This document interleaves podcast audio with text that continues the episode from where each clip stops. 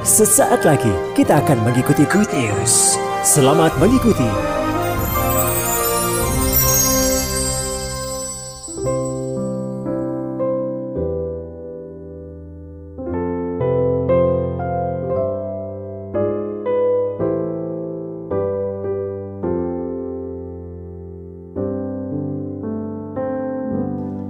Jangan melihat saya tapi dengarkan saja firman Tuhan. Karena saya ingin berkata apa yang kita terima pada tahun ini diselamatkan untuk menjadi terang bagi bangsa-bangsa. Semua berkata amin. Pertanyaannya adalah bagaimana hal itu bisa terjadi? Apakah itu rancangan Tuhan? Apakah itu kehendak Tuhan? Apakah mungkin kita sekalian yang manusia biasa ini dapat ambil bagian dalam rancangan Tuhan itu. Saudara yang dikasih dalam Kristus Yesus Tuhan. Sebab tema itu tidak diambil dari manusia. Tapi diambil dari firman Allah. Segala tulisan yang diilhamkan oleh roh Allah, yang diilhamkan oleh Allah. Itu bermanfaat untuk mengajar kita, untuk memperbaiki kelakuan kita agar setiap kita diperlengkapi dengan setiap perbuatan baik. Pertama yang ingin saya sampaikan kepada saudara adalah bahwa di bawah kolong langit ini segala sesuatu ada waktunya. Amin. Yang artinya saudara dan saya tidak boleh terpaku kepada satu dogma. Kepada cara berpikir yang selama ini bisa kita lalui atau kita kerjakan bersama. Bahkan kalau saudara membaca kembali dalam Injil Yohanes pasal yang keempat, Tuhan Yesus itu berkata kepada perempuan Samaria itu. Yohanes pasal 4, kalau tidak salah ayat 21 itu. Kata Yesus kepadanya, percayalah kepadaku, hai perempuan, saatnya akan tiba bahwa kamu akan menyembah Bapa bukan di gunung ini, bukan juga di Yerusalem. 22. Kamu menyembah apa yang tidak kamu kenal. Kami menyembah apa yang kami kenal. Sebab keselamatan datang dari bangsa Yahudi. 23. Tetapi saatnya akan datang dan sudah tiba sekarang bahwa penyembah-penyembah benar akan menyembah Bapa dalam roh dan kebenaran. Sebab Bapa mengenali penyembah-penyembah demikian. Amin. Segala sesuatu ada waktunya. Jadi ada saatnya di mana ketika bangsa Israel keluar dari Mesir, mereka harus berperang secara fisik. Tetapi tanda-tanda bahwa tidak selalu dengan cara fisik. Mereka dapat mencapai, dapat menggenapi penggenapan rancangan Tuhan. Ketika saja mereka harus lari dari kejaran bangsa Mesir yang dipimpin oleh Firaun. Di depannya mereka ada laut. Bagaimana mereka harus menyeberang? Bagaimana mereka harus terhindar dari kejaran Firaun? Ketika itu Tuhan berfirman, kalau saya singkat saja, ini kejadiannya yang penting. Apa yang ada di tanganmu, Musa? Tongkat, pukul. Ini bukan pekerjaan fisik, tapi ini pekerjaan roh. Bagaimana supaya saudara dan saya dapat mengundang kuasa Tuhan, kuasa Allah bekerja dengan dahsyat. Kata kuncinya adalah dengarkan firman, perhatikan firman, dan lakukan semua itu dalam ketaatan penuh kepada dia. Berikan tepuk Jadi rasanya tidak mungkinlah kita yang ada di kota Malang ini bisa akan menyelamatkan bangsa-bangsa. Bisa menjadi, menjadi saksi, menjadi alat Tuhan untuk bangsa-bangsa di seberang sana. Tidak mungkin. Tetapi kalau itu sudah dinubuatkan, dirancangkan oleh Tuhan. Apa yang dirancangkan oleh Tuhan, tidak ada sesuatu yang batal. Tidak ada sesuatu yang gagal. Sebagaimana firman Tuhan yang sudah kita dengar. Ya, bahwa sesungguhnya segala sesuatu yang sudah dirancangkan Tuhan itu pasti digenapi. Bagaimana caranya? Tinggal saudara taat saja melakukannya. Ada saatnya saudaraku, di mana bangsa Israel ketika itu harus berperang secara fisik, sekalipun fisik itu juga dibutuhkan. Tapi ada saatnya di mana dalam keluaran pasal 17, mungkin bisa dibuka lagi. Ketika Musa itu berkata kepada Joshua, hadapilah bangsa Amalek. Keluaran 17 ayat 9. Musa berkata kepada Yosua, pilihlah orang-orang bagi kita Saudara, untuk menggenapi rancangan Tuhan itu bukan banyaknya orang.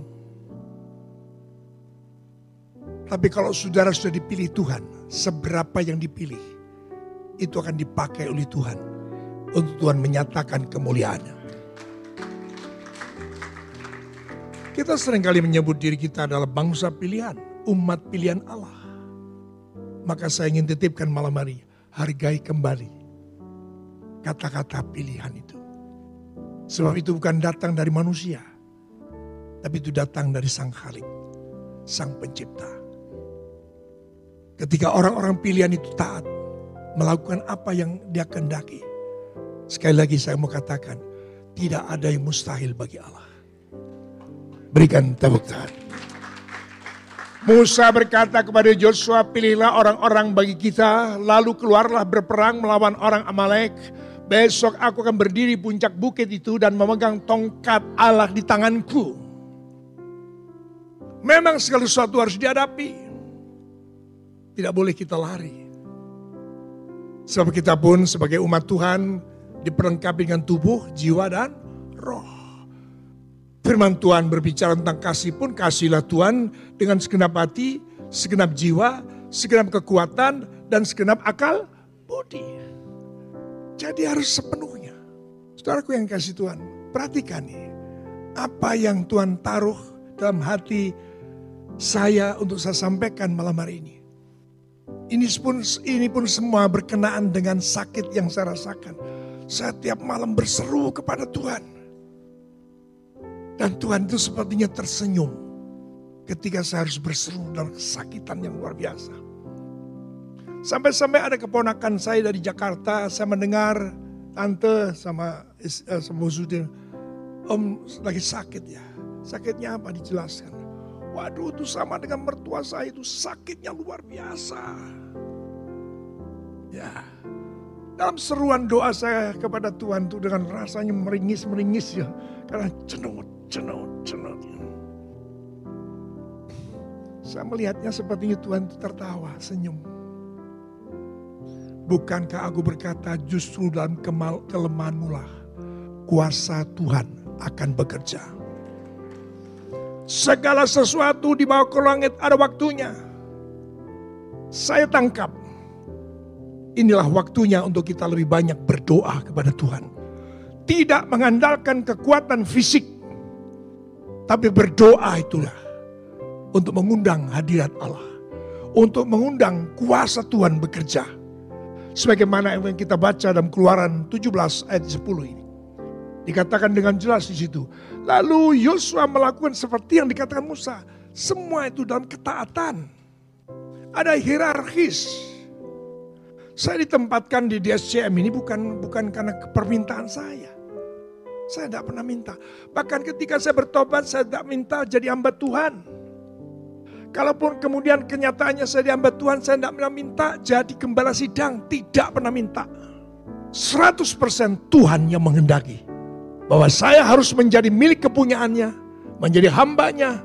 Menjadi apa yang Tuhan perintahkan kepada saya untuk menggembalakan domba-dombanya itu sepenuhnya 100% itu kehendak Tuhan.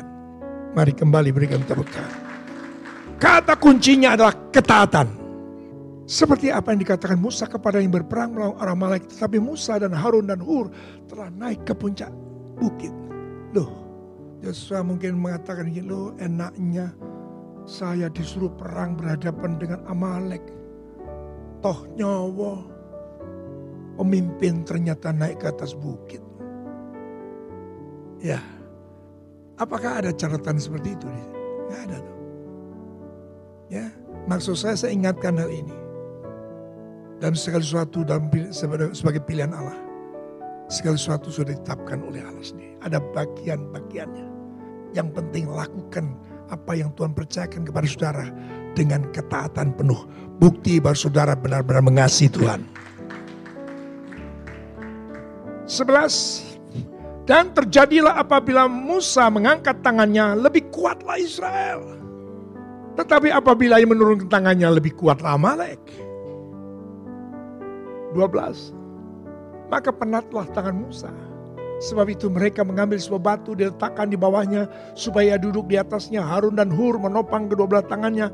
Se seorang di siang satu, seorang di siang lain. Sehingga tangannya tidak bergerak sampai matahari terbenam. Artinya Musa, Harun dan Hur tetap berdoa dan terjadilah kemenangan diberikan oleh Allah. Kata kuncinya sekali lagi taat saja. Apa yang akan dikerjakan oleh Tuhan itu adalah urusan Tuhan. Hak prerogatifnya Tuhan.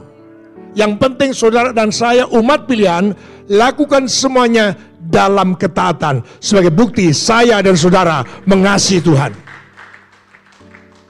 Amin. Di bakul segala sesuatu ada waktunya. Dan ketika kembali saya kepada sakit penyakit saya, kamu lihat nanti Aku yang akan bekerja. Sehingga Tuhan lebih meneguhkan beberapa saat yang lalu saya sudah sampaikan terlebih dahulu kepada Bu Endang sebagai pendoa. Saya diteguhkan untuk 2023 ini gereja Tuhan ini harus bergerak dalam doa, pujian, dan penyembahan. Hanya dengan cara itulah Tuhan akan bekerja dalam atmosfer di kota Malang, dalam atmosfer di Indonesia, dalam atmosfer di atas gereja-gereja Tuhan di seluruh Indonesia. Tuhan akan bekerja dengan caranya. Mari berikan tepuk tangan. Maka kenapa beberapa saat yang lalu saya minta izin kepada panitia, minta izin. Saya dalam satu ruangan ini akan saya percepat penyelesaiannya. Saya butuh ruang doa. Ditambah dengan peneguhan yang diberikan oleh Bu Endang, masa gereja tidak ada doa? Tidak ada ruang doa. Bait Allah selalu harus ada api yang menyala saya lebih terpacu lagi. Ya, sekalipun saya tahu persis kondisi daripada panitia tidak memungkinkan untuk mengerjakan. Tapi karena perintah Tuhan, saya lakukan saja. Suaraku yang kasih Tuhan. Dan saya mendapatkan satu pernyataan dari Tuhan, aku akan pakai menara doa ini 24 jam penuh. Untuk menjadi tradisi baru bagi umatku suka berdoa, suka memuji Tuhan, suka menyembah Tuhan. Mari tepuk tangannya bagi Tuhan. Sekali lagi di waktu ada waktunya, saudara. Jadi tidak harus selalu kita melakukan mengiring Tuhan dengan cara kita. Apalagi cara yang dogmatis, cara yang mati. Bukankah saya dan saudara sudah terbeli lunas, terbayar lunas Saudara dan saya sering kali menyebut diri kita sebagai orang percaya. Umat kepunyaan Allah disebutkan. Tapi tidak pernah terbukti apakah benar saudara sudah menjadi umat kepunyaan Allah. Kalau memang benar kita hidup ini adalah menjadi kepunyaan Allah.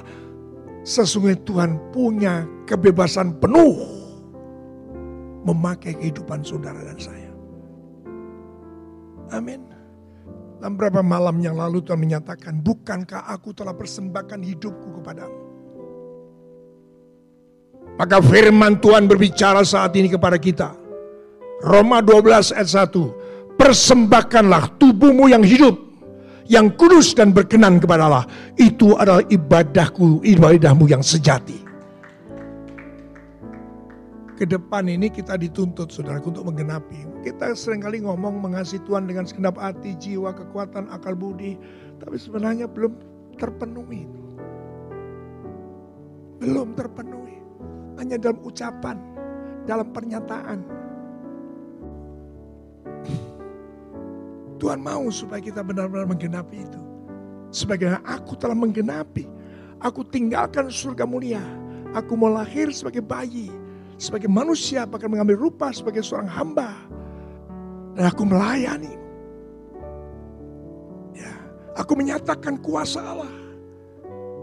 Tapi harinya kamu melihat bahwa aku persembahkan hidupku dan mati bagimu. Pertanyaannya bagaimana denganmu sekarang? Roma 12 ayat 1. Saya minta saudara yang membaca ayat ini pelan-pelan. Satu, dua, tiga.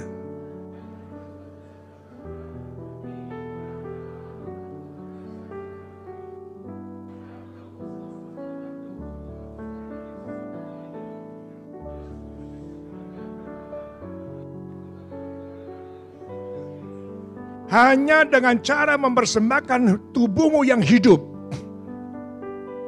saudara bisa menggenapi mengasihi Tuhan dengan segenap hati, jiwa, kekuatan, akal budi.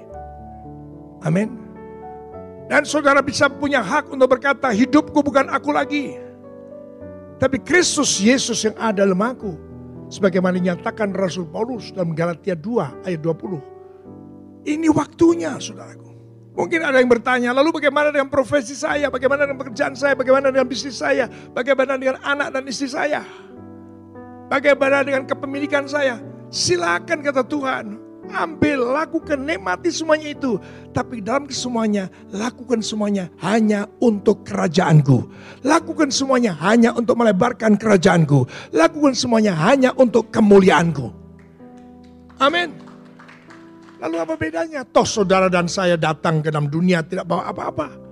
Dan meninggalkan dunia tidak bawa apa-apa. Apa kebanggaan dengan kekayaanmu? Apa kebanggaanmu dengan rekening birumu dalam tabunganmu? Apa kebanggaannya? Ini waktunya Segala sesuatu di bawah langit ada waktunya. Ini waktunya untuk kita sungguh-sungguh mempersembahkan hidup kita. Tubuh kita yang hidup, yang kudus dan yang berkenan kepada Allah. Baru itu kita akan me, me, apa, berhak menyatakan ibadah kita murni, ibadah kita yang sejati. Ketika saya dan saudara mempersembahkan hidup ini hanya bagi Tuhan. Jangan lagi Tuhan engkau pakai menjadi penopang, Jangan kau pakai menjadi supportermu. Supaya Tuhan membuat engkau berhasil. Supaya Tuhan membuat engkau kaya. Jangan lagi. Saya dan saudara adalah milik kepunyaannya. Kalau saudara kedapatan punya profesi, itu kasih karunia. Katakanlah saudara-saudara seorang dokter, seorang sarjana hukum, seorang ekonom, silakan. CEO apa dah Terserah. Lakukan semuanya itu hanya untuk kemuliaanku. Apa bedanya? Tuhan tidak akan pernah menyita kok. Tidak akan ambil alih. Kita harus dapat pelajaran dari kisah Ayub. Dihabisin. Padahal Ayub dikatakan sebagai seorang yang saleh pada zaman itu. Tidak terdapat kejahatan sedikit pun. Tapi mengapa pembelajaran itu terjadi? Karena ternyata Ayub itu mengenal Tuhan kata orang. Namun setelah kejadian dengan dihabisnya harta, dengan anak-anaknya semua, termasuk istrinya yang mengutuki dia. Akhirnya dia memberi pengakuan dalam Ayub 42. Dulu aku mengenal engkau hanya kata orang. Sekarang aku melihat muka dengan muka. Berikan terukar. Gitu. Jadi saya ingin mengatakan sebelum segala sesuatu akan diambil daripadamu, kenallah Tuhanmu. Kenalilah Tuhanmu, turutilah kehendaknya. Jangan tunda-tunda lagi. Karena saya mengatakan saudaraku, apa kesulitan dunia saat ini? Kalau saudara membaca atau mengikuti televisi, saudara akan menemukan betapa lemahnya manusia ini. Untuk satu bukti aja, Merapi belum selesai erupsinya. Marapi saat ini di Sumatera erupsi. Sebelumnya gunung di, apa namanya di Hawaii sampai muntah-muntah seperti itu. Eh kemarin di Maluku 7,9 skala Richter. Nggak bisa apa-apa kita. Ada waktunya Tuhan akan menunggang balikkan semuanya. Mumpung belum saudara, saya pribadi ditunggang balikkan. Kenalilah Tuhan turutilah Tuhanmu. Jangan kau merasa hidup, jangankan mobilmu. Hidupmu itu loh milik Tuhan. Maka saudaraku yang dikasih yang Kristus Yesus Tuhan saya sangat kuat untuk membaca Ayub 42. Mulai ayat yang pertama, maka jawab Ayub kepada Tuhan. Aku tahu bahwa engkau sanggup melakukan segala sesuatu dan tidak ada rencanamu yang gagal. Teruskan saudara yang membacanya. Satu, dua, tiga. Untuk itu dia menyesal. Mencabut semua perkataan. Merasa ngerti, merasa kenal, merasa tahu, merasa bisa. Cabut semuanya. Ini waktunya. Ini saatnya. Hanya nama Tuhan yang dipermuliakan. Kembali kepada sakit saya ketika saya nyari, aduh luar biasa Tuhan. Sekali lagi dengan tersenyum Tuhan. Terasa sekali saya, duh, lah kok diguyu gitu. Aduh, pada yang namanya ibu ngambilkan es, dia dipasang di kantong plastik, diikat di kaki, lalu diikat supaya nempel supaya pembengkaknya itu segera bisa larut. Satu saat memang bisa saya tertidur, kenapa? Saking lelahnya, saking sakitnya, sampai ah, tertidur. Satu saat saya bangun, bangun sering kali saya, saya, saya amati setiap malam jam 1, jam 2, jam 3, jam 4. Kalau sudah jam 4 lebih itu sudah tidak boleh tidur. Ini saatnya saya doa. Karena Tuhan mengendaki. Ini saatnya kuasaku yang bekerja di dalam kamu. Bukan kekuatanmu. Jadi Tuhan mengizinkan kaki ini sekarang seperti lumpuh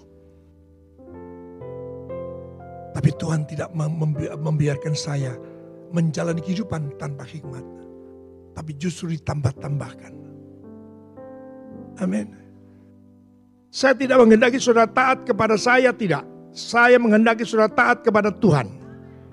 Hormati Tuhan. Tapi sampai dengan hari Tuhan masih memakai saya untuk menyampaikan pesan-pesannya. Dengarkan pesan Tuhan lakukan pesan Tuhan. Engkau akan terhindar dari segala bentuk malapetaka apa pun yang akan terjadi 2023 ini. Bahkan puncaknya nanti di 2024. Saya kemarin diundang untuk beberapa teman-teman di Surabaya. Saya katakan pada Pak Andreas, Pak Andreas, saya usahakan Pak, tapi saya rasanya tidak mungkin untuk tidak hadir. Saya tahu apa yang ada dalam hati kalian. Intinya adalah mengajak berdoa. Bagaimana mengajak gereja kota Surabaya berdoa. Waktu itu saya katakan, jangan harap deh semua gereja bisa mau berdoa bersama. Jangan harap. Saya sampaikan ayat yang tadi itu siapa yang dipilih. Tuhan tidak perlu jumlah. Tapi siapa yang dipilih? Adakah ketaatan di dalam orang yang dipilih itu? Dan akhirnya mereka setujui. Karena memang diminta semua semula apa bagaimana kita bisa omong-omong dengan gembala. Oh, ayo, ayo, ayo, ayo, tanggal sekian, tanggal sekian. Rupanya tadi di-share sama wakil gembalanya, apa yang kita tetapkan dalam tahun ini ada tiga kali untuk Surabaya itu pada saat puncaknya karena Surabaya yang berinisiasi sehingga apa namanya uh, hari ulang tahun Surabaya yang dipakai tanggal 31 Mei kemudian 10 November terus ada lagi 17 Agustus sorry. saya sampai 16 sorry uh, peristiwa Agustus 16 dan 10 November ya 10 November sekarang kasih Tuhan saya hadir dan saya sangat lega. Kenapa? Apa yang Tuhan sampaikan itu saya mendapatkan tempat untuk saya sampaikan pada teman-teman gereja di kota Surabaya. Kita tidak perlu katanya. Bukan berarti akan nolak kehadiran mereka. Mereka mau bergabung dengan tidak. Tapi jangan terlalu berharap untuk ngajak mereka. Sebab yang menunjuk itu Tuhan sendiri. Yang memberikan beban itu Tuhan sendiri. Amin. Apakah kepada Musa? Apakah kepada Ayub? Apakah juga kepada siapa yang ke Niniwe itu? Yunus. Itu semuanya Tuhan bicara. Tinggal bagaimana ketaatan kita. Maka saya merindukan DSM di kota Malang ini harus menjadi pelopor. Tidak gagah-gagahan saudaraku.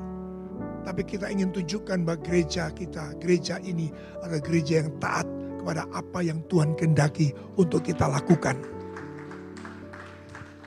Karena ini saatnya saudaraku yang dikasih Tuhan, saya sudah pernah sampaikan dalam beberapa kali khotbah. Ini saatnya kita tidak lagi memikirkan kepentingan kita. Filipi pasal 2 mengatakan dengan jelas yang yang orang yang lain itu harus menjadi lebih utama daripada diri kita. Coba tayangkan Filipi 2 ayat yang kedua. Karena itu sempurnakanlah sukacitaku dengan ini. Hendaklah kamu sehati, sepikir dalam satu kasih, satu jiwa, satu tujuan. Tiga. Dengan tidak mencari kepentingan sendiri atau puji-pujian yang sia-sia. Sebaliknya hendaklah dengan rendah hati yang seorang menganggap yang lain lebih utama daripada diri sendiri. Amin. Ini waktunya untuk beribadah bagi kota Malang. Untuk beribadah bagi mereka yang belum menerima Yesus sebagai Tuhan dan Juru Selamat. Berdoa bukan untuk masalahmu. Berulang kali dalam sisipan saya menyampaikan di mimbar yang namanya Yesaya 58 toh. Dimulai dari ayat 6 sampai 8 itu. Kita harus sadari, ini waktunya. Jangan lagi berdoa. Kalau soal ini saya sudah lama bertahun-tahun lalu. Sudah waktunya untuk berdoa, bukan berdoa untuk kepentinganmu supaya kamu sukses dan sebagainya. Percayalah, kalau engkau berdoa untuk orang lain, Tuhan maha tahu apa yang sedang ada terjadi dalam hidupmu. Sebagaimana Ayub dikatakan, doakan tuh sahabat-sahabatmu. Padahal dia sedang boroan. Dia sedang ada masalah. Tidak punya harta, tidak punya anak. Dalam pergumulan yang berat. Amin. Bisa menangkap pesan Tuhan? Jangan lagi saudara ibadah hanya untuk kepentinganmu. Jangan lagi kau berdoa hanya untuk kepentinganmu. Jangan kau melayani hanya untuk kepentinganmu tapi semuanya engkau lakukan bagi orang lain. Yang setuju mengerti tepuk tangan panjang begitu. Ini waktunya. Ini waktunya. Permintaan saya kepada Tuhan. Kalau Tuhan izinkan, Tuhan pulihkan. Kalau Tuhan tidak izinkan, izinkan hambamu ini tetap bisa melayani. Dengan cara yang kau kendaki. Sekalipun termasuk bicara seperti ini sambil duduk. Tidak masalah. Tapi saya di balik itu semuanya, saya yakin ada saatnya Tuhan akan pulihkan. Amin. Tuhan sedang menguji ketaatan saya untuk menyampaikan pesan-pesan ini kepada saudara-saudara. Saya memang akan menghadapi satu tantangan. Satu saat saya didatangi para diaken. Apa yang bapak-bapak semuanya lakukan. Saya mau sampaikan Pak. Pak kalau jemaat tidak ingin bertumbuh dewasa, dia akan tinggalkan tempat ini. Tapi siapa yang sungguh-sungguh ingin bertumbuh dewasa, dia akan tetap tinggal di tempat ini.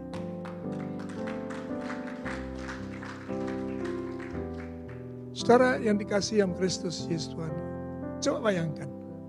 Berulang kali saya, berulang kali mungkin bagi gembala menyatakan perjalanan kita harus sampai pada tujuannya itu menjadi serupa dengan gambarnya kalau saya sering kali saya dahului dengan menuju kepada kesempurnaannya. Kalau membayangkan itu, kalau kita hanya jalani ibadah, jalani kekristenan kita dengan cara yang seperti ini. Mana mungkin. Tidak ada persembahan hidup. Tidak ada sesuatu yang kita lepaskan untuk mengenal dia. Nggak ada. Bagaimana mungkin itu akan digenapi? Kalau kita dalam menghadapi situasi kondisi dunia yang berubah luar biasa ini. Hari ini yang diperlukan adalah iman iman. Pertama karena siapa yang tidak melandasi hidupnya dengan iman tidak berkenan kepada Allah. Ibrani 11 ayat yang 6. Yang berikutnya adalah saya akan sampaikan karena Tuhan itu akan melihat bagaimana keberadaan kita sampai ketika dia datang untuk kali kedua. Injil Matius menyatakan, adakah iman di bumi ini? Pada saat anak manusia datang kembali. Adakah iman di bumi ini? Saudaraku yang kasih Tuhan. Lebih-lebih lagi saudaraku. Karena iman itu sebenarnya adalah Yesus Kristus sendiri. Sudah bisa baca dan Galatia. Ya pada waktu dia belum datang, iman itu belum datang. Ya, Taurat. Tapi ketika iman itu telah datang, ya, maka semua hukum-hukum Taurat itu tidak berlaku lagi. Hanya iman. Percaya sebelum melihat. Percaya sebelum terjadi. Amin. Sudah ini belajar iman tidak bisa kita belajar dari tokoh yang lain kecuali hanya belajar pada Abraham. Perhatikan, ketika Abraham, Abraham dipanggil, tinggalkan negerimu, tinggalkan sanak saudaramu. Perintahnya memang tidak tinggalkan keluargamu inti, tidak. Sanak saudara. Karena ternyata ketika dia pergi, istrinya dibawa sama Lot. Ya. Tapi tinggalkan coba. Tidak noleh ke belakang, tidak pernah menyesal. Tinggalkan zona nyaman. Apa yang pernah kita lepaskan untuk mengenal Tuhan hari-hari ini? Adakah saudara meninggalkan zona nyamanmu? Kebanggaanmu? Karena ujungnya dari ayat, ketiga dari keluar kejadian 12 ayat ketiganya. Olehmu bangsa-bangsa itu akan diberkati. Hanya dari satu perkara tinggalkan dengan taat, tinggalkan dengan taat, tinggalkan dengan taat. Luar biasa. Aku memberkati orang yang memberkati engkau. Yang C, olehmu semua kaum di muka bumi akan mendapat berkat. Itu semua bangsa di dunia semua kaum di muka bumi menjadi berkat berasal dari satu orang yaitu namanya Abraham. Mengapa? Karena Abraham taat tanpa bertanya. Ayat keempat perhatikan. Lalu ini harus melakukan firman Tuhan. Mendengar, memperhatikan, lakukan. Lalu pergilah Abraham seperti yang difirmankan Tuhan kepadanya. Tidak pakai nanya, tunda, tanya. Oh minta konfirmasi lagi Tuhan. Doa puasa minta konfirmasi. Terlalu rohani kadang-kadang. Alasan untuk tidak melakukan firman. Ini yang harus kita lakukan. Bahkan puncaknya diuji oleh Tuhan dalam kejadian 22. Yang dikasih yang menjadi janji Tuhan yaitu anak tunggal. Harus dipersembahkan di Moria. Apakah dia nanya? Anol, tanya, apakah dia nolak? Tidak ada sedikit pun penolakan. Tersirat bertanya saja nggak ada. Lalu Abraham mengambil kayu untuk korban bakaran itu dan mikul ke atas bahu Ishak. Anaknya sedang di tangannya di bawahnya api dan pisau. Demikianlah keduanya berjalan bersama-sama. Lanjut terus. Lalu berkata Ishak kepada Abraham ayahnya, Bapak, saudara Abraham, ya anakku, bertanyalah di sini. Di sini sudah ada api, ada dan kayu, tetapi di manakah anak domba untuk korban bakaran itu? Dijawab dengan iman. Saud Abraham, Allah akan menyediakan anak domba untuk korban bakaran baginya, anakku. Berikan tepuk tangan. Taat harus mengawali segala sesuatu. Ketaatan mengawali mujizat. Amin. Jangan minta tanda dulu dong. Tapi taat dulu tinggalkan, lepaskan segala sesuatu yang mengikat dirimu. Karena itu saya sedang membaca buku dan hampir selesai. Sudah tiga perempat saya, saya baca selesai. Harus dibuang, harus dibunuh. Segala sesuatu yang menjadi berhala dalam hatimu. Harus dibuang. Karena di mata Tuhan semua berhala itu kekejian. Di mata Tuhan. Apa itu ternyata? Hobi, kesenangan sendiri, nikmat sendiri, kepuasan sendiri kalau itu dilanjut, waduh. Nah kemarin dalam beberapa kali saya ngirim lewat kata hati. Kalau tidak salah itu firmannya saya ambil dari Mazmur tidak salah. Di mana satu hari lebih apa lebih baik satu hari di pelataran Allah daripada seribu hari di tempat lain. Hal yang rohani harus lebih utama. Harus lebih berharga daripada yang lain. Amin. Ini saatnya untuk kita terapkan dalam hidup. Jangan lagi ditunda. Gak ada hebatnya lah engkau menunda. Kalaupun engkau tetap mempertahankan apa yang bisa engkau pertahankan. Dan ketika kau dipanggil pulang ke surga. Toh apa yang kau banggakan itu tidak bisa kau bawa. Dada yo kaiso. Nyenggol yo raiso. Ya dah. Saya diteguhkan Tuhan, sekalipun saya harus menyampaikan dalam bentuk kata hati, ringkasan-ringkasan begitu. Saya coba perhatikan, itu akan menjadi cerita terus berlanjut. Yang puncaknya adalah, saudara tidak berhak memiliki apa-apa sebenarnya. Hanya satu yang kau miliki, Yesus Kristus Tuhan saja. Karena sudah saatnya Tuhan akan melawat Indonesia. Tuhan akan menumbuhkan, mengembangkan gerejanya bukan oleh kekuatan manusia, bukan oleh karena kebanggaan manusia, tapi semata-mata hanya oleh karena rohku, kata Tuhan. Berikan tepuk tangan begitu. Maka inilah saatnya saudaraku berbahagialah ke saudara kan mengalami lawatan roh Allah. Tuhan masih memberikan kepada kita hidup. Puji Tuhan. Kalau saudara mengalami apa yang Tuhan akan kerjakan di bawah kolong langit ini. Dalam berbagai masa-masa. Apa yang Tuhan canangkan jauh sebelumnya. Saudara menikmati. Dan ini saatnya kita akan melihat bagaimana roh Allah melawat gerejanya. Melawat Indonesia. Ini saatnya kita sungguh-sungguhnya mengasihi Tuhan. Buatlah Yesus semakin besar dalam hidupmu. Dan buatlah dirimu semakin kecil. Amin. Ini saatnya. Jangan lagi sudah membicarakan sesuatu yang lain lagi. Ya.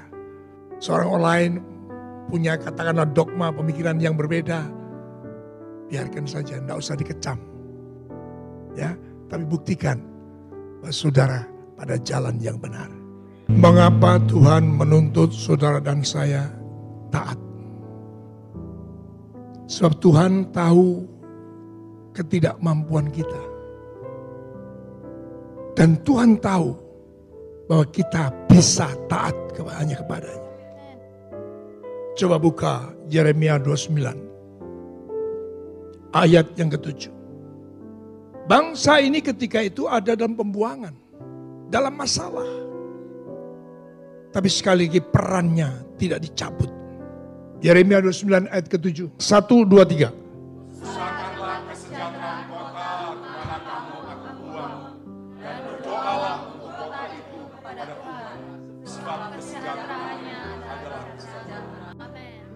Ketika Tuhan melihat saudara tidak lagi berdoa untuk dirimu, tidak lagi berdoa untuk kepentinganmu, tapi untuk kepentingan kota.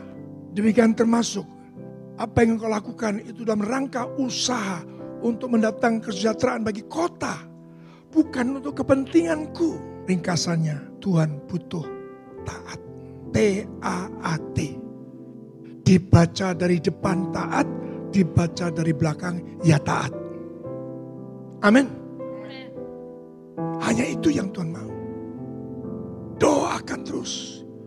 Usahakan dalam sesuatu. Kalau saudara bisnismen ada sesuatu bagian yang bisa dibagikan. untuk Saya katakan, ini waktunya apa yang kau lakukan, apa yang kau terima dari Tuhan. Engkau beroleh pengampunan dari Tuhan, berikan pengampunan pada yang lain. Engkau beroleh kasih dari Tuhan, kasihlah orang lain. Engkau diberkati oleh Tuhan, berkati orang lain. Apa yang kau ber, ah, apa yang kau terima dari Tuhan, bagikan juga pada orang lain. Tinggal taat. Sehingga firman Tuhan akan digenapi. Engkau menabur banyak, engkau akan menuai banyak. Amin. Ya. Tapi semuanya untuk kemuliaan Tuhan. Kenapa? Hasilnya kalau kita taat, berdoa, usahakan untuk kota, Yeremia 33 ayat yang ke-6 mulai baca sampai puncaknya di 9. Baca saudaraku, 1 2 3.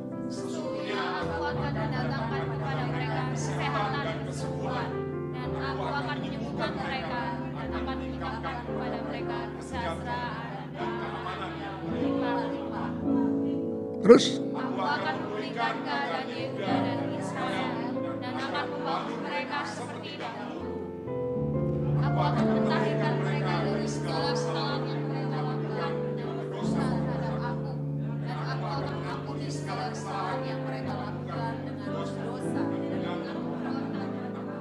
Akan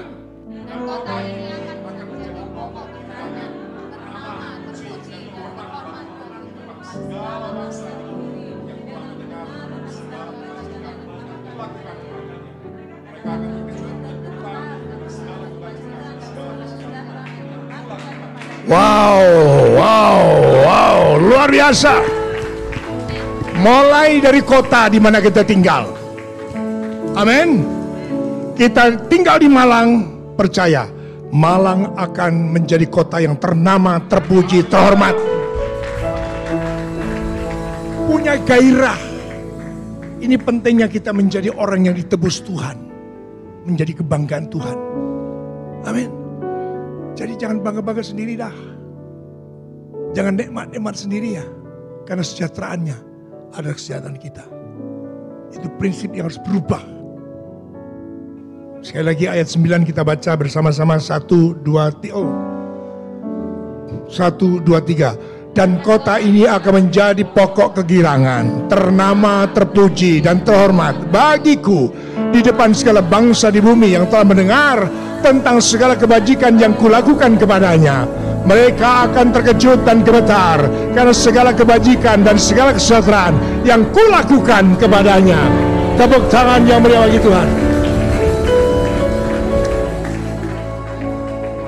Bapa kami telah engkau isi dengan hatimu.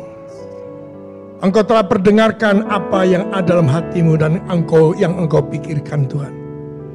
Ya percaya setiap perkataanmu tidak akan kembali dengan sia-sia. Karena engkau Tuhan yang memilih kami yang hadir malam hari ini. Dan kami mau belajar menghormati panggilanmu. Pilihanmu Tuhan, ketetapanmu. Seberapa kami yang ada, kami akan mulai dari diri kami ini. Terima kasih Bapak. Kami menyatakan komitmen kami. Kami akan suka berdoa, suka memuji Tuhan, suka menyembah Tuhan, mengagungkan dan meninggikan nama Tuhan. Syukur, terima kasih. Terima kasih Tuhan. Karena itulah yang Engkau mengetahui yang bisa kami lakukan. Teguhkan dan kuatkan hatimu saudaraku. Mari kita akan jalani kehidupan kita ke depan dengan cara yang berbeda dengan lebih fokus apa yang menjadi rencana dan kehendak Tuhan. Percayalah bahwa Tuhan sedang menuntun langkah-langkah kita. Dia yang sudah menebus, dia yang sudah mengajar, dia jugalah yang menuntun saya dan saudara. Supaya namanya juga dipermuliakan. Supaya kita sampai pada akhirnya pada tempat yang Tuhan telah rencanakan.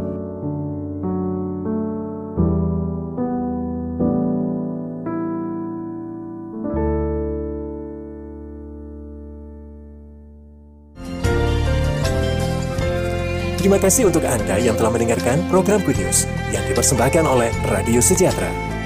Untuk Anda yang rindu mendapatkan layanan konseling dan dukungan doa, silakan menghubungi hotline 0812 3333 6392. Para konselor dan para pendoa Diaspora Sejahtera Caring Ministry siap untuk melayani Anda. Tuhan Yesus memberkati.